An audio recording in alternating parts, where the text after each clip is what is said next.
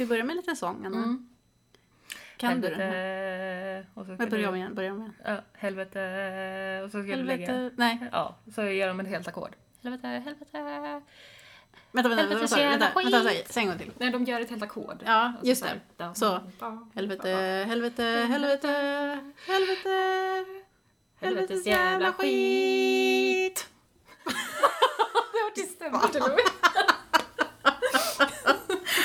Oh Ja. my god. Där, Ja, där fick ni lite ja, det var... sångprestation. Ja, verkligen. Hoppas ni njöt ordentligt här.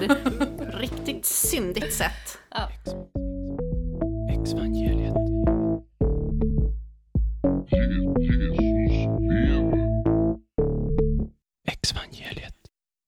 Exvangeliet är en podcast om tro och lämnandet av den, men också om dekonstruktion och rekonstruktion, det vill säga att ändra sin tro på olika sätt, bryta ner gammalt, bygga upp nytt och allt vad det innebär.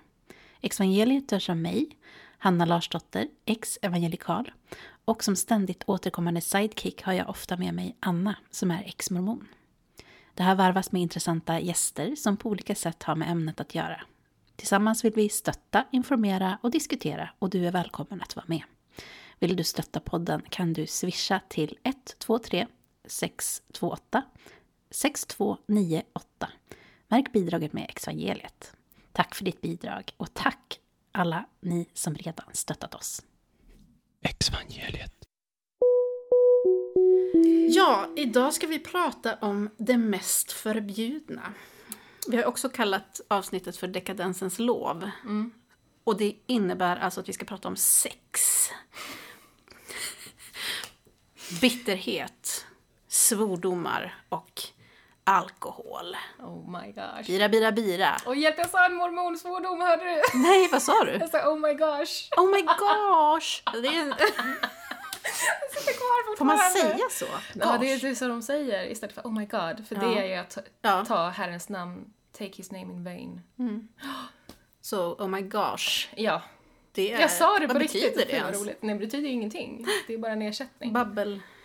Ersättningssvordomar, sådana har vi ju. Ja. Ersättningssvordomar. Det ska De vi har- komma ja. in på lite senare tänkte jag. Ja, Ja. men vad, varför ska vi prata om det här, Anna? Ja. ja, varför ska vi göra det? Ja. eh, det här ska vi prata om för att det är väl en ganska vanlig, vanliga problem som man möter när man lämnar, både när man är i kyrkan, att man måste förhålla sig till de här sakerna med ämnena, men också när man har lämnat kyrkan. Hur gör man nu? Får man ta sig en sup? Ja. får man säga ett litet svärord. Mm. Eh, och så. så att, och det, det är ett ganska vanligt ämne, tänker jag, bland eh, människor som vi eh, är bekanta med. Ja. och, eh, där, där det kan finnas problem, man vet inte hur man ska hantera det. När man ska börja med att dricka alkohol liksom efter 40 någonstans. How do you do it? Ja. Ja, och det här har ju eh, i stort att göra med eh, synd, tänker jag. Ja. Um, inom frikyrkan så hade vi, eller så fanns det någonting som traditionellt sett kallas för syndakatalogen. Det hade du aldrig hört talas om, Anna? Nej, det är ett ord jag har kommit i kontakt med nu när vi har hållit på med podden här faktiskt. Ja. Så, ja, Och du, du, Vad- du tänkte att det var liksom en, en riktig eh, katalog Ja. där det stod, stod Jag bara, jaha, hade ni en sån? Så en hel katalog? Nej, okej. Ja, vi hade, nej, det hade vi inte. Eh, det är ju liksom bara en, ett ord som pratar om de liksom outtalade och uttalade regler som man måste förhålla sig till för att vara en riktig kristen. Så först blir man frälst och sen har man då ett antal regler då som man måste förhålla sig till. Eh, och jag upplever det faktiskt som att det är ganska många som pratar om att det här var någonting som var i de gamla, ga- gamla kyrkan lite mer liksom när ja, vad kan man säga, alltså 50-60-tal kanske. Men jag skulle vilja säga att det finns kvar fortfarande. Det finns ju mycket outtalade och uttalade regler som man faktiskt måste förhålla sig till. Och det är väl lite olika också beroende på vilken rörelse och församling och... Precis, jo men så är det verkligen. Jag tror att det är liksom olika liberalt, eller vad man nu ska säga.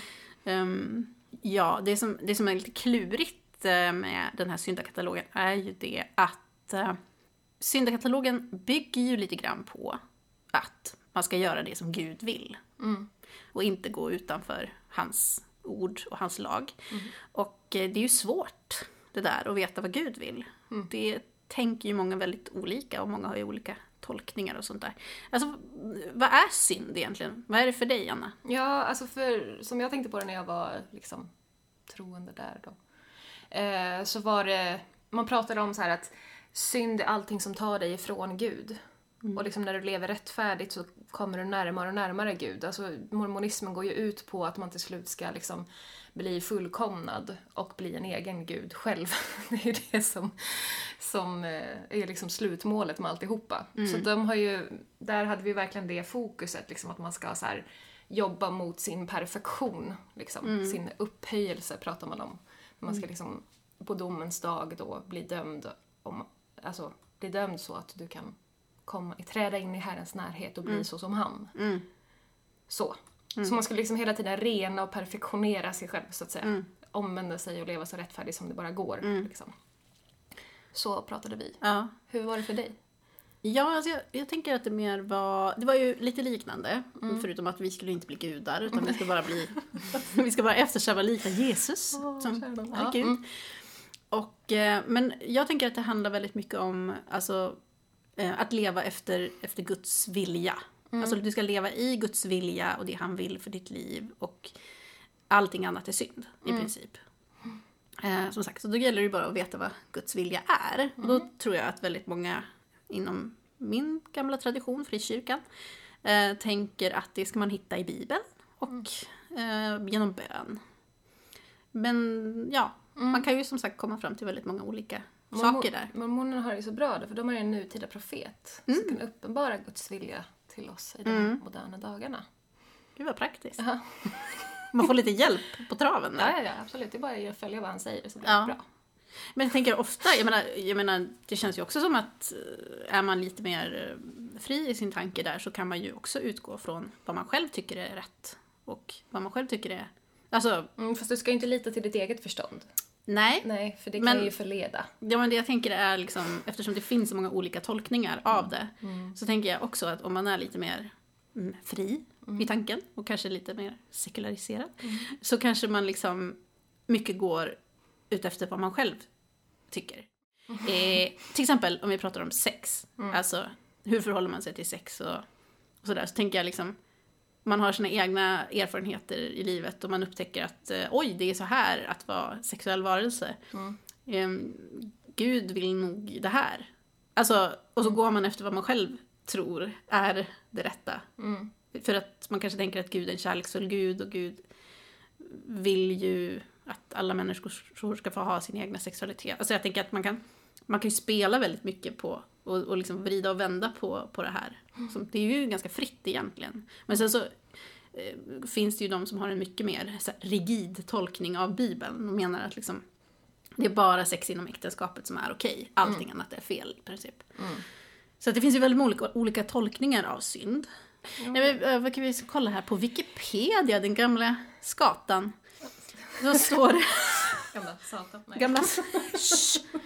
Så står det eh, här synd från fornsaxiska sundea eller sundia med ursprunglig betydelse på fornengelska brott, förseelser, ogärning och på germanska skuld. Besläktat med sann är ett begrepp inom abrahamitiska religioner som används om handlingar eller sinnelag som står i strid med Guds vilja för en individ, så som det beskrivs i olika religiösa normsystem. Ja. ja, men det var väl ungefär det vi sa. Ja. Ja, så eh, synd helt enkelt. Och hur, hur ser du på synd idag, eh, Anna? Vad är synd för dig? Eh, oj, nej. Jag tror inte på det begreppet överhuvudtaget längre kan man väl säga. Alltså, eh, jag känner att jag har gått från en väldigt så här, värderande syn på omvärlden och mig själv och allting. Man skulle hela tiden värdera vad som var bra, vad som var dåligt, liksom vad som var av Gud och vad som inte var av Gud. Liksom. Och hela, jag tror att jag hade ändå någon slags här, glidande skala syn på det här, alltså att det kunde vara mer eller mindre dåligt. Eh, men man hamnar ju väldigt lätt i liksom eh, att det blir väldigt svartvitt. Du kan liksom inte skilja på olika föreställningar. Det kan vara liksom, jag vet att jag har läst i någon kommentar i något av våra forum också, liksom att det liksom människor som hamnar i det här att röka en cigarett blir liksom lika illa som att mörda någon. alltså det, är så här, det båda är synd liksom och därför måste vi hålla oss ifrån allt det här och så blir man otroligt rädd och otroligt liksom hispig kring de här sakerna. Ehm, så. Så, så jag känner liksom, men jag kom nog från Ja, nej men jag, jag känner att för mig personligen så har det varit liksom att gå från det här värderande ögat, så att säga, där man hela tiden skulle bedöma vad som var bra eller dåligt, till att bara liksom acceptera verkligheten som den är. Och liksom att jag behöver inte eh, döma om mig själv eller någon annan, liksom, om de är bra eller dåliga, eller om det de gör är rätt eller fel. Alltså, jag har väl fortfarande, eller man har väl den här, om man har ett empatiskt förhållningssätt tänker jag, så ser man ju eh, mera liksom orsakar det här skada hos någon eller inte. Eh, och då kan man väl säga att det blir fel då, liksom ifall det skadar någon. Eh, men det kan också liksom bara vara så naturliga reaktioner. En person gör någon handling som de inte menar någonting med och så blir det fel för en människa. Eh, liksom, det kan bli fel för en människa Ja. utan att det menades fel. Liksom, och, och sådär. Liksom, att man har en väldigt mycket, jag känner mig att jag har en väldigt mycket mer så här, eh, eh, vad ska jag, alltså jag vill säga en tillnyktrad syn på omvärlden. Eh, jag känner att jag kan ta in omvärlden på ett helt annat sätt nu än vad jag kunde förut. Och jag kan se den liksom bara för vad det är. Eh, utan att det liksom ska, jag ska applicera någon slags mall på det här, på allt vad jag möter på något sätt. Mm. Vad tänker du? Jag tycker det låter precis som jag tänker också. Alltså det, jag tänker att synd, det är för mig kopplat till och även för de här personerna, eller som i definitionen, liksom, kopplat till Guds vilja och vad Gud vill. Och jag tror inte längre på Gud. Så att för mig är ju inte det relevant. Nej. Men som du säger, jag menar, det är klart att jag också har tankar om hur man ska vara som person. Men för mig handlar det väldigt mycket mer om så, hur man behandlar andra människor. Och eh, när det gäller synd och vad man, jag menar, när det gäller handlingar som jag tidigare kunde se som syndiga, alltså handlingar som rör sex eller alkohol eller så vidare, så ser jag ju mer det som någonting som rör mig, alltså, och andra människor i första hand och inte någonting som har med Gud att göra. Att jag, jag känner mig mycket mer fri idag att liksom kunna få utforska de här områdena som jag inte som jag inte kunde göra förut för det alltid kändes som att nej men det här är det här Guds vilja, nej det är det inte, man ska inte svära, så då gör jag inte det liksom. Så att, eh, ja, jag har mycket mer mänsklig, alltså jag, jag, jag förhåller mig till det på ett, ja, ett humant sätt eller vad man ska säga. Ja, jo. Mm. Nej, men bara en grej med, med sex liksom. Alltså för, jag vet inte om ni hade det i frikyrkan men eh, för oss så var det väldigt mycket det här, man ritade upp en triangel. Mm. Eh, äktenskapet var som en triangel. Det var liksom mannen i ena hörnet, kvinnan i andra hörnet och så liksom i högst upp i hörnet så var det Gud. Att liksom äktenskapet var... En tretvinnad tråd Ja, hade vi. okej, wow. Ja. Ja, ja, det står i Bibeln. Ja, ja, ja. Mm. Oj, det Ja. har jag missat. Mm, ja. Nej men, och liksom, att man hela tiden hade den här, ja men den här andliga dimensionen, det här begreppet som vi har Mm. pratat om ibland. Det fanns liksom hela tiden en osynlig, en osynlig dimension på allting. Var det man gjorde bra eller var det dåligt? Och liksom, där fanns det också väldigt mycket så här ramar och ideal. Eh, liksom en hustru ska vara så här, en man ska vara så här. Och också, då, då blir det liksom att man förväntar sig saker av varandra. Jag, kan, jag, måste, jag kan förvänta mig av min man då, att han ska vara och göra vissa saker. Annars är han dålig och fel på något sätt. Liksom. Eh, Det där är ju väldigt skönt att ha liksom gjort sig av med. Att liksom alla de här konventionerna som man blev så itutad, liksom, att det behöver verkligen inte vara på det sättet. Liksom. Det, ja. Exvangeliet. 17 juli 2015 så skrev det faktiskt, skrevs det faktiskt i Dagen att det behövs nya syndakataloger. skrev de här. Och det har varit någon debatt här tidigare, tidigare debattartiklar och så svarar den här personen med att, att den här uppfattningen om synd har förändrats. Och en orsak till det är att syndakatalogerna länge har varit en belastning för frikyrkan. Man vill helt enkelt komma bort från dem. Men pendeln har slagit över åt andra hållet.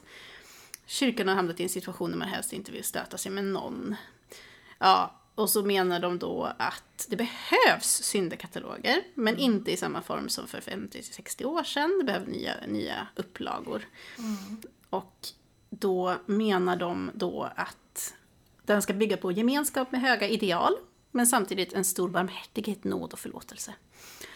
Ja, nej men det är en bra strävan. Nu vet jag inte om jag tycker att det behövs syndakataloger specifikt. Jag tycker ju inte om syndabegreppet överhuvudtaget. Men, men det är klart att då, kyrkan måste ju, om man vill hänga med lite i samtiden, så måste man ju också förnya sig. Och eh, ja, jag tycker att det är en extremt förlegad syn att se att det finns något som heter synd. Men, Ja, och jag, liksom, jag hör också hur kristna skulle kunna resonera så här, bara, men vi har ju lagar och regler i det vanliga samhället också, eller i sekulära samhället, att det finns liksom Ja, men du får inte mörda någon, för då hamnar du i fängelse. Mm. Okej då. Liksom. Eh, så där, och så att de... Jag tror att kristna tänker mycket, eller alltså jag kan inte prata för alla kristna så, men liksom att det, att det är bara en förlängning liksom, av Mm. det regelsystem som vi all, alla behöver. Typ. Alltså för, jag tänker att, att det reg- regelsystem som vi har i samhället ser dem som en förlängning av Guds regelsystem. Mm, ja, kanske det. Alltså, jag tänker, jag, men jag, jag, har, jag tänker att det pratas väldigt mycket om att Gud har skrivit, ristat in sin lag i våra hjärtan. Har du hört det? Jaha. Ja, nej men Alltså att det är liksom samvetet, moral, liksom. ja, Ja. ja. samvetet, att det är liksom det gudagivet. Liksom så. Och då tänker jag att man menar då att vi har ju lagar och regler och det är ju för att Gud har ju liksom satt där i våra hjärtan att du ska inte mörda. Liksom. De tio Guds bud. Liksom. Och så då känner vi väl så instinktivt att det är något som vi måste förhålla oss till. Men alltså jag tänker ju liksom att alltså jag tycker det behövs lagar och regler. Alltså vi har ju ett rättssystem och liksom, det är ju superviktigt att vi behandlar varandra väl och därför så liksom straffar vi dem som behandlar andra människor illa. Förhoppningsvis så funkar det systemet bra. Ibland gör det inte det, men Man kan ju vara en empatisk varelse utan att vara kristen. kan man faktiskt. Man kan faktiskt det. Vi är ju extremt empatiska. Mm. Vi är, alldeles, vi är för empatiska. Vi är så fina. Lyssna på Ja, oss. oj, oj, oj. Fina ja. människor. Ja. Ja, men den här syndakatalogen som sagt. Jag eh, tänker ju att den fortfarande finns. Eh, och det har ju många med mig upplevt. Och även du då. Ja, att det finns alltså, en, vi, ja, vi hade ju inte Nej. det begreppet, men det var ju absolut så här upppunktat vad det är som är synder och inte. Typ. ja, men precis. Ja, ni hade kanske ganska lite tydligare nästan än, än frikyrkan har. Ja. Eller jag hade det väldigt klart för mig i alla fall, vilka ramar det var som gällde, vad som var okej och inte. Alltså det liksom. hade ju jag också. Det är ju det som är det outtalade på något sätt. Ja. Som ändå uttalas, men ändå inte riktigt. Alltså, Mm. det är så här, man har ju alltid det här liksom, omvärlden, världen att förhålla sig till på något sätt. Och det är klart att, jag menar då kommer det ju att komma in människor som har en annan sexualitet till exempel, en annan sexuell identitet. Hur ska man förhålla sig till dem? David, Men, men jag tyckte att det, det var både uttalat och outtalat. Men det, mycket ligger ju under ytan och jag tror att det liksom är väldigt svårt för människor att få ha en så här, nyanserad bild av, ja men okej, hur ska vi se på sex? Är det okej att ligga med någon innan äktenskapet? Då skulle ju liksom, förmodligen då, i, i min erfarenhet så skulle ju en pastor säga att jag rekommenderar inte det, utan jag tycker ändå att ni ska liksom hålla er tills ni gifter er. För det kommer att sen då när ni är gifta så kommer det att limma ihop er som par och ni kommer att liksom kunna utvecklas tillsammans och, och sådär. Och det liksom får vara ett klister för ert Mm. Alltså jag, äktenskap. jag mår så illa av sånt. Alltså det, så tänker jag. Ja, Att, Och det är också den, den, de resonemang som jag har sett ganska mycket då, till exempel i Dagen. När jag har sett, det har ju varit en, en debatt om sex alldeles nyligen faktiskt. Eh, och det är bland annat därför som vi pratar om det idag. Eh, För då var det ju en tjej som föreslog att man skulle kanske nyansera det här lite grann. Det var alltså en kvinna som heter Silla Eriksson. Som, eh, eh, som skrev en debattartikel 22 juli, 22 juli 2020. Eh, och hon, rubriken var då “Kyrkan har gjort sex före äktenskapet till den största synden”. Hur blev det så och vad blir konsekvensen av det? Jag tänker inte gå in på jättemycket på vad hon skrev. Eh, men det var ju en relevant fråga, kan jag tycka. Hon fick ju väldigt, väldigt mycket svar på det här. Ehm, Ja, det har varit en hel serie med debattartiklar. det har varit en hel serie som det alltid blir när det tas upp såna här spännande saker. Mm. Bland annat Anton Jonsson skriver då Avhållsamhet är bra träning för att inte ge efter för sitt habegär. Mm. För Bibeln är sex inget utöver äktenskapet utan själva den gemenskap, gemenskaps... Gemen, gemen, men gud! Gemensamhetsskapande grunden, skriver han. Åh hjälp, vilket ord! Ja. ja, men det är det här jag menar med det här med att Ja. så här, för, för Bibeln är sex ingenting utöver äktenskapet. Alltså sex betyder ingenting. Men liksom, ja. Utan det är bara, det är liksom, sex är till, skapat av Gud, för att vi i äktenskapet ska kunna liksom band med varandra och. Och det är bara det det är till för i princip. Är ju det. Ja, så tolkar jag det i alla fall. Jag tänker inte gå in på det mer. Micke Gunnardo. Stå upp för Bibelns budskap om sex. Kyrkorna behöver ge en sund och tydlig undervisning utifrån Guds ord och hjälpa unga att motstå frestelsen att ha sex för äktenskapet. Och så har vi en, en till här, jag kan inte uttala hans namn, Maika Fryxelius. Stora problemet är att nygifta skiljer sig när det inte känns rätt. Ja men kära nån. Okej. Mm. Där skulle jag kunna I äktenskapet är sex en kärlek, utanför är det en lek med eld. Där vissa bränner sig rejält. Ehm, och så var det också två stycken tjejer som hade skrivit. Många kristna ser inga positiva följder av beslutet att vänta med sex. Nathalie och Olivia har skrivit. Och de berättade så roligt, tycker jag. De skrev att de var, jag tror att de är, eh, de är konfirmationsansvariga på något som heter Elida. Som jag inte har koll på. Och de, hur gamla var de Jag egentligen? vet inte. Det var någon som skrev att de var 14 år, men det var Ja, typ inte. Nej, de är lite äldre kanske. Ja, jag vet faktiskt inte. Ja, de är unga tjejer men, i alla fall. Ja, men det som jag tyckte var roligt var i alla fall att de pratar om en, att de har en, att, de- att, om ett konfaläger där de Ja. har um, gett ut eh, då till de unga personerna som ska lära sig om sex. Syster Sofies, Sofie OPs bok Älska och gör det du vill. Och det är alltså en nunna som har skrivit den här boken. Boken vill hjälpa dem att navigera bland falska budskap om sex och att börja lyssna till sitt inre istället för att bara göra det som vännerna gör. Och det är klart, det är ju jättebra. Men jag tyckte det var så roligt att det var en nunna som hade skrivit. Ja, det är, ja men det är jag, jag, tycker det, jag tyckte det var lite ironiskt. Ja. Men, Man vet ju inte hur det är. ja men vad, vad, vad tänker du när jag läste alla de här olika Ja, vad tänker jag? sakerna? Alltså, det Mycket fin- saker. Jag tänker mycket saker, det gör jag. Mm. Det är ju någonting det här med, man, man kopplar ju liksom, alltså det här, det här kristna livet, det här religiösa livet, att det, det ska ju vara fritt från begär på något sätt. Man ska ju liksom hänfalla åt det gudomliga i sig. Och Då tycker jag den här, man brukar prata om det här apollonistiska och dionysiska idealet inom, från grekisk mytologi. Att guden Apollon var liksom den ljusa, himmelska, fina guden på något sätt och Dionysus var den som liksom, ja men eh, åt och drack och hade kvinnor och liksom festade. Vinguden. Och, ja, och sådär. Eh, och mycket, alltså mycket inom kristenheten handlar ju om att bli det här apolloni, apollon, apolloniska idealet. Liksom att ja, men inte frossa, inte ha sex, liksom bara läsa Guds ord. Alltså, ja, allt det där, liksom, den typen av liv, det är det fina livet. Och som han säger, liksom, att inte hänfalla åt sex, det är liksom Nej men det gör att vi inte, vad var det han skrev, hänfaller åt vårt ha-begär. Ja. Och det är ju det också, man vill liksom göra sig fri från sina begär. Mm. Så, så var det mycket, så tror jag att jag tänkte mycket. Eller liksom de runt omkring mig, liksom i mitt sammanhang så tänkte man mycket så att man skulle liksom... Eh, ja men man fastade för att träna på det här och man hade inte på med sex för att träna på det här. Och liksom, alltså, ja. Man ska vara den här slags idealmänniskan på något sätt. Och det, alltså, det kan ju, jag, jag tycker fortfarande att det kan ligga någonting i det.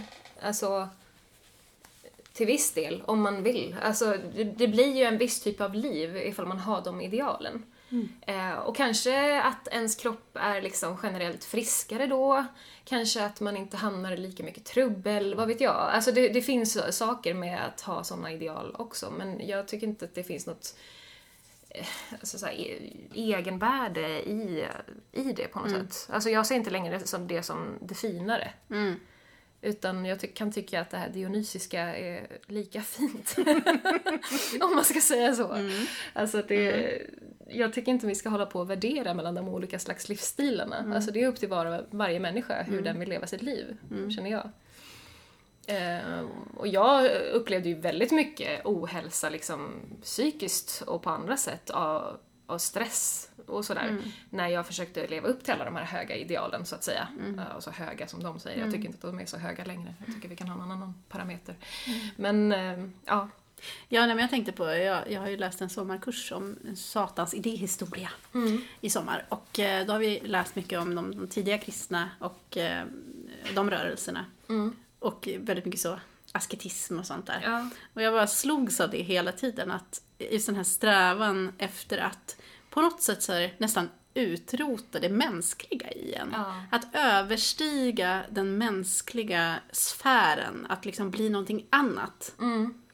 Varför vill man göra det egentligen tror du? Ja, alltså jag tänker mycket på... Alltså jag hade en ganska stark period av så här äh, idealism. Eh, Det hör väl lite ungdomen till, liksom. Att man, man vill hitta sitt ideal och så det är många som radikaliseras där.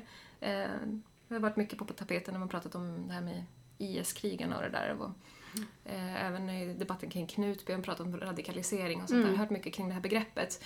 Och det är, jag, jag tror att det kan vara liksom en, en period i människors liv när man liksom lätt hänfaller åt eh, något ideal som man fastnar för och tycker att det här är det bästa. Och så en del människor som inte liksom lyckas hålla balansen i det här riktigt utan liksom tycker att man ska avsäga sig allt förutom de här idealen. Eh, och jag tror att jag var inne lite i den svängen också ett tag. Eh, när jag liksom... Eh, fick, alltså, jag, jag eh, fastnade lite för den här grejen kring att liksom inte, inte äga saker. Att inte vara upphängd på att jag behövde saker eh, under några år i mitt liv. Och framförallt kring när jag hoppade av, liksom, att jag sökte efter liksom, nya saker att, som skulle göra att jag mådde bättre. liksom. Och då blev det en sån eh, hang-up för mig, liksom, att ja, men jag ska inte vara connectad med mina saker och tänkte mycket på det här med asketism och sånt där. Så det, och det är verkligen Ja, men att man kan, liksom, man kan bli radikaliserad lätt när man är ung. Jag tror att jag fastnade väldigt mycket kring renhet. För mig var det en stor Ja. grej. Alltså ända från när jag var, ja men som sagt när jag började upptäcka liksom, att det faktiskt fanns andra känslor i kroppen. Nej men att, att liksom så här, att jag kunde ta enormt illa vid mig om någon kallade mig för sexig eller liksom. Alltså, sådär. alltså det, och då kunde det vara liksom en, en pojkvän liksom. Jag kunde bli så förnärmad verkligen. Jag kände bara så här, nej. Jag kände mig så smutsig och liksom, alltså att vara ren. Ja, Jag har jättesvårt för det ordet idag. Alltså jag får, ja, jag, jag minns tillbaka till det där. Att jag liksom, jag var så, jag var nästan lite besatt över att vara, känna att jag var ren. Fast även om jag gjorde liksom saker som, jag, som inte var rent. Ja. Eh, och brottades med det. Men ja, Nej, alltså, men, men det där är ju verkligen någonting som, som gör en så ledsen. Jag, jag, alltså, jag var ju också sådär, jag, jag levde ju verkligen enligt de här sexuella reglerna. Liksom så. Eh, konstigt nog så har jag inte känt mig så skadad av det. Nej. Vilket jag är lite förvånad över. Men, ja, det är ju väldigt olika. Men liksom, så många människor som, man har, som jag har läst liksom, på forum och pratat med. Och så här, det är ju så många som upplever eh, väldigt mycket spärrar, väldigt mycket skamkänslor. Alltså är väldigt mentalt skadade i sin sexualitet på grund av liksom, de här normerna som de har behövt förhålla sig till. Så det är ju någonting som gör som man, som man blir jätteledsen av att liksom höra om, tycker jag. Ja, jag kände inte heller att jag, eh, jag... Jag kände att jag kunde komma över det där ganska snabbt. Ehm, men alla har ju olika vägar att gå. Och jag tror det kanske har att göra med hur man är som person och liksom vad man, vilka personer man omger sig med. Och, och vad man liksom- har varit med om. Ja, exakt. Det, det har jag ju läst så mycket liksom, av apare från Mormonkyrkan som har då begått en sexuell överträdelse och liksom verkligen blivit tillrättavisade och liksom fått göra bot och bättring och blivit till, ja, varit på de här värdighetsintervjuerna med sina kyrkledare och så. Alltså det finns så Just många det. eh, jättehemska historier. Men på tal om eh, värdighetsintervjuer. ehm, det är ju Pride. Eller det har varit Pride. Ja, eller, jag sitter här med mitt pride-nagellack. Ja, du har så fint. Du har lila, blå, gröna, gula och röda naglar. Ja. Jättefint. Jo, och nu i dagarna så har det varit, eh, stod det i, Jag tror det var på Sveriges Radio. det var på Sveriges Radio, så stod det om att eh, det ska komma en utredning om, om deconversion therapy. Ja. Vad är det, Anna? Ja, eh, mycket i USA så har de ju det där. De leder sån här deconversion therapy. Alltså det handlar helt enkelt om att man ska omvända hbtq-personer från sin sexualitet till att bli straight, helt enkelt. Eh, och det finns väldigt mycket påtryckningar om det. Jag hört om eh, alltså att de har läger och liksom terapicamps då, där man skickar hbtq-ungdomar för att de ska liksom eh, omvändas från sin sexualitet. Och det är väldigt många väldigt hemska historier som man får höra därifrån. Liksom de, de utsätts för mental och psykisk liksom, eh, misshandel i princip. Ja, för att bli straight. Ja, för jag tänker, då, då har vi ju det där med synd igen, att då ses ju homosexualiteten som en synd. Och ofta tänker jag som ett val. Ja, Ibland tänker eller jag som att en det- psykisk sjukdom som man kan bota. Ja, men ibland, ibland tänker jag ändå att det finns folk som tänker så här, ja men du är förmodligen bög eller flata, men du kan välja någonting annat. Ja. Eller så tänker man att det är ett val du har gjort att bli Mm. bög eller flata. Ehm, och ehm, det här är ju inte liksom någonting som man pratat speciellt mycket om i Sverige. Nej. Ehm, men tror att det finns i Sverige? Ja, det är det de ska utreda här nu då. Eh, Jag har inte hört om några sådana där läger eller liksom kurser eller liksom terapigrejer så, men det förekommer ju absolut liksom påtryckningar av olika slag inom frikyrkor och inom mormonrörelsen som jag känner till själv. Ehm, ja, på hbtq-personer. Liksom att inte vara hbtq helt enkelt. Ehm, Ja. Så det, det finns det ju absolut. Ja, det ska bli intressant att se vad den här undersökningen kommer fram till. Ja, jag. och jag tycker vi kan tipsa våra lyssnare om ifall ni inte har sett det. Ja, för man kunde höra av sig till de som håller i den där utredningen ifall man känner till någonting. Eh, och tipsa dem. Eh, Just det. så det vill vi jättegärna, ifall någon har liksom, tips på påtryckningar eller terapier eller ja, olika eh, sådana, vad ska jag säga, moves Ja, mot, mot hbtq-personer till- så kan man höra av sig till dem. Så om man har tips om Ja, Kom- olika påtryckningar på hbtq-personer från religiöst håll. så kan man höra av sig ehm, till MUCF, Myndigheten för ungdoms och civilsamhällsfrågor. Ja, precis. För de leder just nu en utredning kring det här. På regeringens uppdrag. Och det vill Mm. Så vill vi ni påverka, så gör det. Ja, ja, men det vill vi verkligen bidra till. Mm. Nej, men jag, tänker, jag tänker att sånt här i Sverige förmodligen pågår fast mer i det dolda kanske. Alltså det är ju, känns ju väldigt inte okej att skapa kurser för sånt här i Sverige. Men jag har ju massa såna här små foldrar alltså, som jag fick, de är säkert gamla, men så här, jag blev omvänd från min homosexualitet. Ja, ja, ja. Alltså, Ja, så här, ju berätt, så alltså personliga berättelser. Här, ni, vet, ni vet, ni som lyssnar. Mm. så här, små foldrar med små personliga berättelser liksom, om sånt. Jag tror jag har någon i min bokhylla faktiskt. Mm. Ehm, och det var ju sånt där som jag läste och bara så här, ja, det går. ja. För jag tänkte ju, jag tror att jag tänkte liksom att, ja, men det, det måste ju vara någonting som är fel för att eh, det står ju om det här i de här kristna böckerna. Nej, jag vet Ja, inte. Alltså jag, jag tycker det är svårt, jag vet inte riktigt hur jag tänkte. Alltså, det känns som ett blurr det där. ja. Alltså liksom så här som att jag bara, ja, det är ju fel. Det står ju det i Bibeln. Ja, nej men jag tyckte mycket man bara rapade upp liksom vad man hade fått blivit matad med. Alltså ledarna, kyrkledarna sa ju liksom att nej men Gud har instiftat äktenskapet mellan man och kvinna, det är bara så det ska vara. Och så när man är liksom 14-15 år så står man ju bara och säger det. Man vet ju inte riktigt mm. omfattningen av vad det är man säger Nej. alltid. Nej. Det tycker jag är så eh, beklagligt egentligen att det är så vanligt inom liksom kyrk eh, samfund att med ungdomsledare. Alltså unga personer som ska leda andra lite yngre personer som inte har möjlighet att liksom ha eh, full koll på ämnet, de har ingen utbildning och de har kanske inte ens haft sex själva. liksom. eh, och så ska man liksom, och så framhålls de här som så här, unga idea, idealistiska personer som får ryggdunkar från äldre i församlingen och liksom, åh, de är så bra, för ut Guds ord. Och så bara, men ja, jag tycker det krävs lite mer kompetens faktiskt för att leda unga personer i sådana frågor.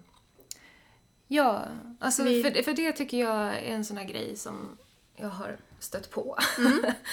eh, som är så befängd för en sekulär svensk, men som är helt rimligt för en kristen svensk. Och det är liksom att man kan bunta ihop eh, olika sexuella avvikelser då. Alltså så att en pedofil blir samma sak som en homosexuell. Eh, och det är väldigt många liksom som kommer ut som liksom homosexuella till frikyrkliga personer som bara, ah, jo men liksom, det är samma sak som att vara pedofil i princip. Ehm, För det är ju också, ja de menar ju att det då är, också är en synd. Ja, tänker jag. precis. Alltså det, det Det är liksom fel. fack, det är inte liksom. Guds vilja. Och Nej. därför så är det är samma sak som att vara pedofil. ja. I princip. Ja, det måste vara väldigt eh, förnedrande tänker jag. Ja, att, och eh, liksom, jag bara tänker så för alla våra lyssnare, liksom, att det är så här, man kan verkligen behöva tänka igenom det här. vad, vad är det för skillnad och vad är det som är den väldigt viktiga skillnaden mellan det här? Liksom? Jo, men pedofili handlar om, alltså pedofili, att, att vara pedofil är ju också en sexuell lä- läggning eh, som man kan ha. Alltså, så kan det ju vara. Eh, grejen om du utövar pedofili är ju att du begår övergrepp mot liksom, yngre personer för att tillfredsställa dig själv. Och det kan aldrig vara samtycke i det.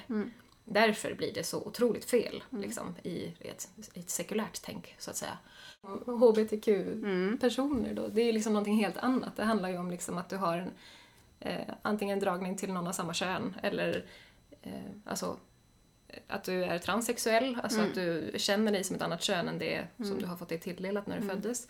kan vara pansexuell också. Ja. Attraheras av en person tror jag att det betyder. Ja, alltså att man inte- inte, inte ser till kön alls, Nej, utan man... Ja, det finns massa olika varianter. Och Ja. det, men då, då grundar sig det också på samma sätt som en heteronormativt sexuell relation. Mm. Så grundar sig, ska det grunda sig på um, samtycke Ja. ja, men precis. mellan vuxna människor. Och liksom det, det känns så fånigt på något sätt så här, att liksom sitta och behöva uttala det här. Men det är verkligen inte självklart. Nej, när det är man kommer från en kristen miljö. Det är verkligen inte självklart. Nej. Och det är jätteviktigt att vi säger det om och om igen, att det är inte självklart. Nej. Och det finns supermånga som tänker så här. Ja. Och för en person som du säger i ett sekulärt samhälle och som aldrig har tänkt de här banorna så, så förstår vi ju att det låter konstigt kanske. Men, Ja. men eh, det behövs betonas liksom. Idag den 4 augusti så kommer det faktiskt en, det är en undersökning som har gjorts och då står det Så har ungas syn på samboskap och giftermål förändrats i de olika kyrkorna. Och då är det tydligast förändring i, bland unga i Equmeniakyrkan och Pingstkyrkan. Så det verkar, man har mätt liksom hur, vad man har för inställning till, till, till sex innan äktenskapet och så vidare. Det är så roligt. Enligt studien framgår också att de som bor sambo läser Bibeln mindre regelbundet än de som valt att gifta sig. Alltså det är så rolig, rolig Vad är information. hönan och vad är ägget? Ja, vad är hönan och vad är ägget? Frågar jag då. Ja, är det är intressant i alla fall. Det är ju kul att det görs lite undersökningar. Och det är ju kul, tycker jag, att eh, det ändras lite i, i eh, vissa grupper. Exvangeliet. Jag känner mig lite off alltså. Men Va? Det, nej, bra. Du är skarp som en knivsägg, Anna. Du är skarp som en knivsägg idag. Vi har haft semester här nu. Ja, vi har haft semester och eh, vilat oss och så. Och Ja. hänfallit åt dekadens. har Ja, gjort. det har varit faktiskt en väldigt dekadent sommar för mig. Så nu går jag, nu fastar jag bland annat. Alltså inte religiös fasta. Jag går på diet. Frosseri, Hanna. Jag går på diet här faktiskt så att jag får inte dricka något vin på två veckor nu. Så det är bra. Ja, ja, ja. Jag tycker att eh, Ja, det har blivit väldigt trevligt den här sommaren. Jag har ju börjat snusa också. Mm, just det. Jag älskar du snus. du Alltså, är jag lite högt på det här. Nej men alltså snus är en sån... snus är liksom min nya gud. Alltså inte så. Men det är liksom Ja. en sån snuttefilt Oj, alltså. alltså. du är så mycket satan just nu. När Ja. du säger så. Ja. Ja. Wow. Underbart. Ja. Nej men det, det är jättetrevligt. Alltså det är ju kul att prova. Mm. Tycker jag. Ja. Jag som har varit väldigt avog. Men, eh, nej, men det är kul- att testa och se vad man gillar. ja. Får vi se hur länge det blir. Men, men. Exvangeliet. För en avhoppare då, eller Ja. någon som har varit i en sån här miljö och eh, vill arbeta med sig själv, Mm. kanske. Man känner kanske skam och skuld eller ja, olika obehagliga känslor Mm. kopplade till sexualitet eller liksom, man vet inte kanske hur man ska hantera det. Hade du några tankar kring hur man Ja. kan göra då? Ja men alltså det är just det här med att byta värdegrund. Alltså att du går från liksom den kristna värdegrunden när allt utom heteroäktenskapssex är fel. Mm. Till att liksom plötsligt är allt okej så länge det inte skadar någon. Ja, det är, Det är, jätte, det är ett jätteskifte för människor och jag tror alltså vi behöver verkligen Alltså både de som gör den här förändringen Mm. eh, behöver jobba med sig själv väldigt mycket men också liksom, sekulära män, människor runt de här personerna alltså, behöver förstå vilken otrolig förändring det här är Mm. för en människa. Eh, och det är ju det jag gärna vill liksom, bidra till medvetenhet för. Mm. Liksom, för du kan eh, behöva komma över all den här skammen och skulden som du kanske känner kring din sexualitet. Speciellt om du är en hbtq-person. Alltså det kan ju vara eh, det kan vara ett jättetrauma för en person liksom att växa upp med såna här normer. Liksom. Och sen komma ut ur garderoben, eller vad man ska säga, och liksom eh, helt plötsligt få jobba med att tycka om sig själv och vara stolt över sig själv och allt det där. Eh, Så det är ju en jätteresa. Eh, Och sen så är det också handlar det mycket om att komma fram till vad som är ens egna gränser och lära känna sig själv. Liksom. Vad tycker jag om? Vad vill jag? Vad vill jag inte? Liksom. Eh, det är ju någonting som de flesta håller på med i tonåren. Men för en avhoppare kanske man gör det här i 30, 40, 50 års åldern. Liksom. Och det är inte självklart att eh, liksom bara gå igenom det hipp som happ. Så det Nej, har du får ju, det hänger ju mer på dig, på dig själv där. Alltså, du får ju ta eget ansvar och Mm. eh, själv känna vad känns bra, vad känns bra mot, gentemot andra. Mm. Liksom. Så du får ju ett helt e- annat eget ansvar på ett annat sätt. Du har inte riktigt samma regelbok att Mm. följa. Ja, Så man får, får utmana sig själv lite. ja, och det kan vara bumpy road. Ja, Men, men också eh, det där, jag tänker så här, att, att ta del av andras erfarenheter och upplevelser Ja. tror jag är en jätteviktig del. Mm. Eh, hur, ja, Hur har andra avhoppare gjort? ja hur andra uppe, men jag tänker också ehm, ja, men när man ger sig ut i den sexuella miljön. Nej men alltså när man, när man ska Laborera ja, när man går in på Tinder och, nej men alltså att man, att man också ja men vart, vart, går, vart går din gräns? Vart Ja. går min gräns? Vad vill jag göra? Vad känns inte okej för mig? Ja. Alltså man ska alltid eh, lyssna till sig själv. Tycker Ja. jag. Och även till andra. Alltså gör inte någonting mot andra liksom, som den personen inte känner sig trygg med. Nej, Alltså kommunikation. Kommunikation och liksom ett empatiskt förhållningssätt. Mm. Alltså att aldrig förutsätta att en person ska eller borde vilja någonting. Mm. Eh, för det finns det kan det ju finnas väldigt mycket, alltså det är, kan ju vanliga människor så att säga Ja. behöver jobba med också. Alltså att Oh, man ja. så här, eh, inte förutsätter att en kvinna ska vilja någonting eller en man ska göra någonting. Alltså så här, Mm. bara för att, ja men tjejer tycker ju om det här. Så. Ja, nej, men Så verkligen. Alltså, det finns ju såklart en jättestor eh, myt om att mannen ska vara den sexuella och att kvinnan ska vara den Ja. som inte är så sexuell. Men det stämmer ju verkligen inte alls Nej. i alla fall. Utan det är ju verkligen, Ja. det är ju verkligen en myt. Ja. Eh, Enligt egen erfarenhet. Nej men, Jo, nej. nej men det är verkligen en myt och eh, det där tror jag är jätteviktigt. Just där är det ju så viktigt med kommunikationen. Liksom. Mm. Eh, Eh, och jag, alltså för mig, alltså jag tycker ju liksom hela det här pratet om att sex ska bara vara inom äktenskapet och allting annat är skit. Alltså, det, jag tycker det där är så himla märkligt. Ehm, och jag menar, du kan ha en jättehälsosam sexuell relation med någon fast du inte är gift med Ja, den personen. Verkligen Alltså, väldigt mycket mer hälsosam skulle Ja. jag säga. Eh, ja, precis. Och, och, just Ja. det där hur viktigt det är med kommunikation. Alltså för mig, alltså, jag menar du kan vara gift med någon och ha jättedålig kommunikation. Ja. Men ni får ha heligt sex liksom. Alltså det, Nej, det, det, utan, det, det, allting löser sig inte bara för att man har en ring på fingret liksom. Så Mm. man måste ändå kommunicera. Och det kan man göra lika väl utan att vara gift. Det går Ja. jättebra. Ja. Och det är superviktigt. Eh, och det tänker jag är eh, receptet för en god relation eh, liksom, med alla såklart. Men även när det gäller sex. Alltså att mm, våga lyssna på varandra, våga fråga. mm. Fråga hellre för mycket. Nej Ja. men alltså vad gillar du, vad gillar jag? Alltså det är superviktigt. Annars Jag får man tänk- aldrig veta. Nej men precis, Eh, bara en lite annan grej. Mm. Eh, nej, någonting som jag ofta liksom får höra från, alltså från de som är kristna då liksom att ah, men det är många som, ungdomar som tycker om det här och vill ha alternativet till liksom en sexfixering som världen har. Och, de, många tycker att det är så skönt att hö, behö, liksom få höra att man inte behöver inte ha sex om man vill och, och, och, det där. Eh, och det är absolut en sida av myntet som också är värd att belysa för det finns ju verkligen de som är asexuella rakt av eller bara mindre intresserade eller liksom vill ha sex senare i livet. Eh, liksom, många förlorar, en del förlorar ju oskulden när de är liksom 14-15 och en del vill vänta till långt senare. Alltså allt det där är okej Ja. på något sätt. Eh, och ja, Ja, precis. Och, det, det är en jätteviktig poäng. För jag tänker att kyrkan många gånger tänker att de ska representera det här andra val, andra alternativet. Att världen presenterar, du kan göra vad du vill med vem du vill och hur mycket du vill och gärna tidigt och sådär. Ja. Nu är ju inte det, upplever inte jag det riktigt så. Det kanske Nej. finns en sån liksom nidbild, tänker jag, lite grann av samhället och hur det ser ut. Och det är mycket Ja. porr och det är mycket sex, kanske är väldigt lättillgängligt och så vidare. Men alltså det ska ju, och det behövs kanske liksom presenteras mer.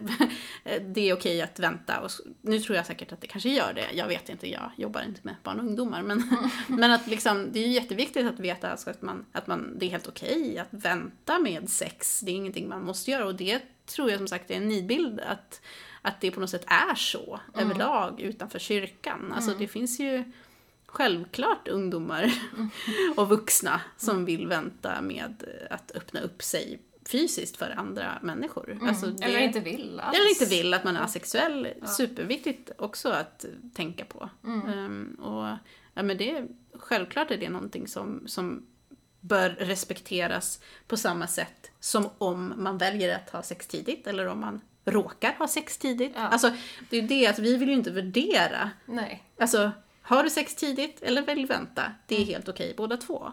Och, och där tänker jag att jag tänker där att inom kyrkan så är det, eller inom frikyrkan då, där jag kommer ifrån, eh, inte alla frikyrkor säkert, men där tänker jag att ändå, alltså att vara, att vara gift innan man har sex är det som är det bästa.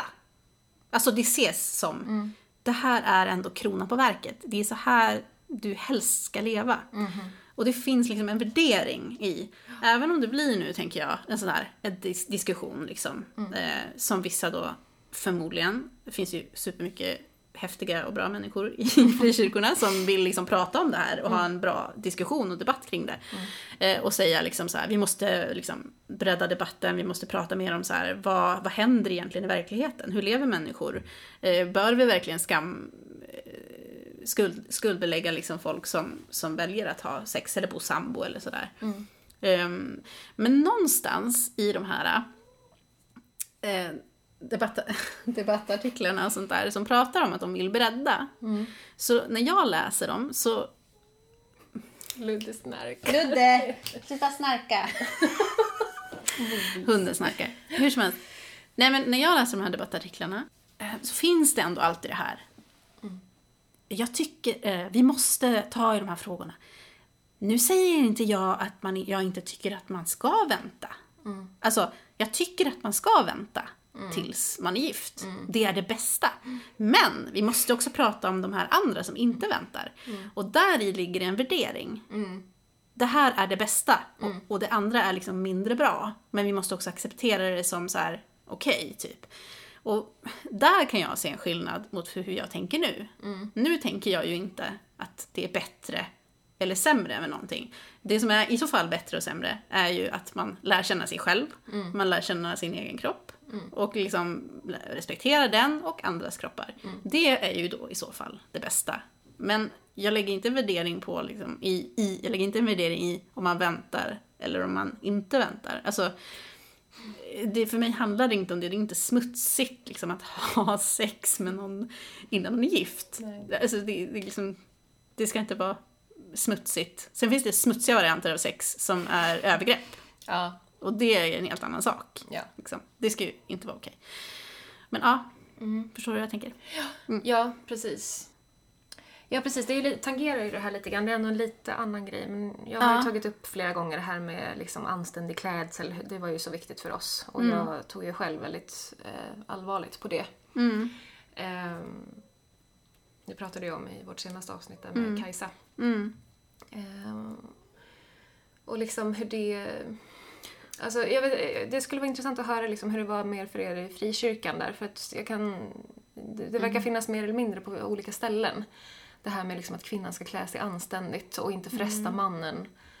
Ehm, Ja, eh, alltså det, vi hade ju inga klädkoder, hade vi Nej. inte. Vi hade inga under, heliga underkläder och sånt där. Men det är klart att man kände ju alltid att man inte skulle vara liksom utmanande. Alltså på olika sätt.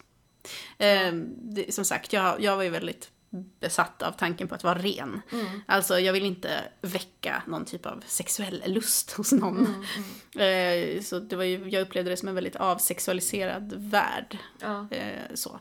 Men, men just det, det här um, anständiga kläder och sånt där, det, det hade... Det, det, äh.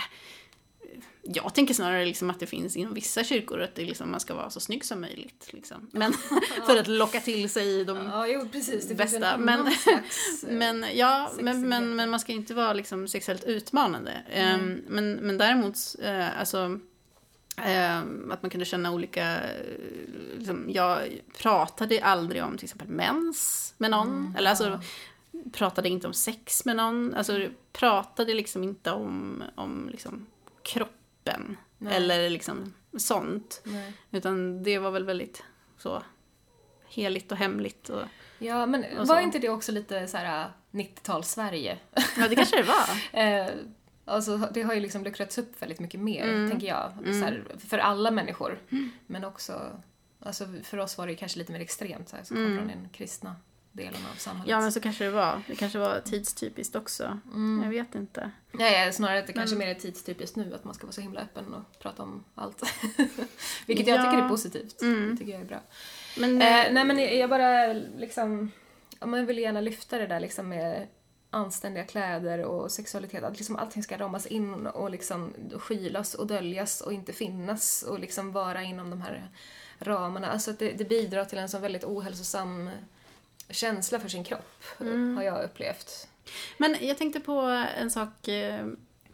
ehm, att nu är det ju väldigt eh, mycket kroppspositivism. Ja. Eh, faktiskt överlag i hela samhället. Mm. Eh, alltså det är många som lägger ut sina kroppar så. Ja. Man ska se ut hur man vill och Ja. tjock eller smal eller hit eller dit. Mm. Eh, hur tror du att det påverkar? Alltså om man tänker kanske lite mer, ja men fri, frikyrkan till exempel eller Alltså Ja, jag vet inte, mormonerna, ja. jag vet inte vad mormonerna tänker. Nej, alltså jag har ju inte satt min fot i ett mormonkapell på flera år så jag, kan inte, jag vet inte riktigt hur det påverkar dem Nej. där. Eh, Men men, jag tänker ändå att det borde ju påverka samhället i stort och även frikyrkorna. Mm. Och jag tänker också med en, liksom en ökande feminism inom frikyrkorna och sånt där. ja. Ehm, jag tänker ändå att, att eh, det säkert, säkert påverkar liksom det. Att liksom kroppen på något sätt får bli mer naturlig och liksom Mm. okej att visa upp. Och, Ja. ja. Jag vet inte. Jag tror att det är en hälsosam utveckling i alla fall. Mm. Porr har det också skrivits lite om faktiskt i dagen. Mm. Eh, det var ett tag sedan nu. Mm. Eh, och du hade, någon, du hade också något klipp från TV4 Nyhetsmorgon Mm. om barn som växer upp med våldsporr och lär sig att dödligt våld är sex. Ja, precis. Hade du några tankar? Ja, ja men jag tycker det här är också en viktig distinktion liksom, när man byter värdegrund. Så här, att innan så var ju liksom porr, allting som hade med sex och porr att göra, det var ju bara så himla smutsigt och skamligt och fult och syndigt. Mm.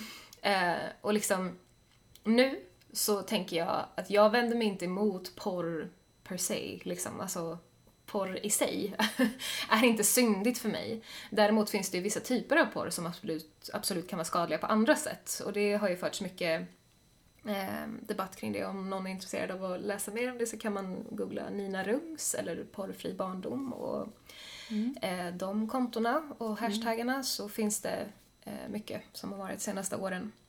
Eh, man pratar om liksom, hur ska vi prata med barn om porr och sånt där. Och då pratar de ju mycket om det här med våldsporr, liksom att det normaliserar övergrepp för unga personer och sånt där. Och det är absolut en viktig diskussion, tycker jag. Ehm, så att det där är också så här, att så här, definiera ut hela tiden. Precis som vi pratar om sex. Här, Sex i sig är inte fel, men det finns vissa typer av sex som kan bli jättefel. Porr i sig är inte fel, men vissa typer av porr, eller vissa olika användningsmönster av porr kan vara ohälsosamma och skadliga. Så man måste liksom det är det här liksom, med att bygga upp sin nya värdegrund, att man måste liksom gå in och så här, bena isär och Mm. liksom peka ut så här, exakt vad är det jag tycker och vad är det jag inte tycker. Liksom. Ja, för egentligen skulle man ju kunna se som, alltså porr skulle man ju kunna se, typ om, om man är ett par Ja. och så, eller, eller nu tar jag det här som, vi tar ju parform. Man är ett par och man är med ett annat par och man liksom tycker om att titta på när de har sex. I Ja, princip. ja. Alltså det är också en typ av pornografi. Ja. Men det är ju liksom enligt den religiösa normen, det är ju fel. Ja. Liksom på något sätt. Man ska inte blanda in fler i det här. Och det kanske är det som är grejen, att man, genom att också titta på porr så blandar man in fler i den här Ja. sexuella sfären som ska vara så, så här sluten liksom, för Mm. bara de här två personerna. Eh, Och så här, då blir det ju en, någon slags synd. Mm. Men vi menar ju då, eller jag menar i alla fall att det behöver inte vara fel Nej. i sig. Jag menar, gillar man att titta på andra som har sex så är det liksom, så gillar man det. Alltså, ja. Så länge det är samtycke och hälsosamt så Ja. ser jag inga problem med det. nej det gör ju inte jag heller. Så att, Det, och- det, det, Ja. ja. det har jag också tänkt på, på så här, kristna par som gifter sig tidigt och kanske inte Mm. haft sex med någon och sen så efter några år så lämnar de kyrkan och börjar utforska Mm. det sekulära livet. det är väl också bara så här, det är okej här, att eh, utforska sex på olika sätt. Liksom, Mm. De kanske fortfarande vill vara gifta men liksom, de kanske behöver ta igen det här på något sätt. Mm. Och det vill jag väl också bara säga så här. Gör det. Om ni behöver någon röst som säger det, så säger, får ni den här nu. Jag tänker att eh, vi kanske ska avsluta det här avsnittet eh, nu och eh, fortsätta nästa vecka med eh, bitterheten, Aha. alkoholen och svordomarna. Men eh, det blev ett helt avsnitt om sex här. Sex och porr och snuskerier. det är så härligt. Nej men så fortsätter vi nästa vecka. Ja, Tack för idag. tack för det exvangeliet.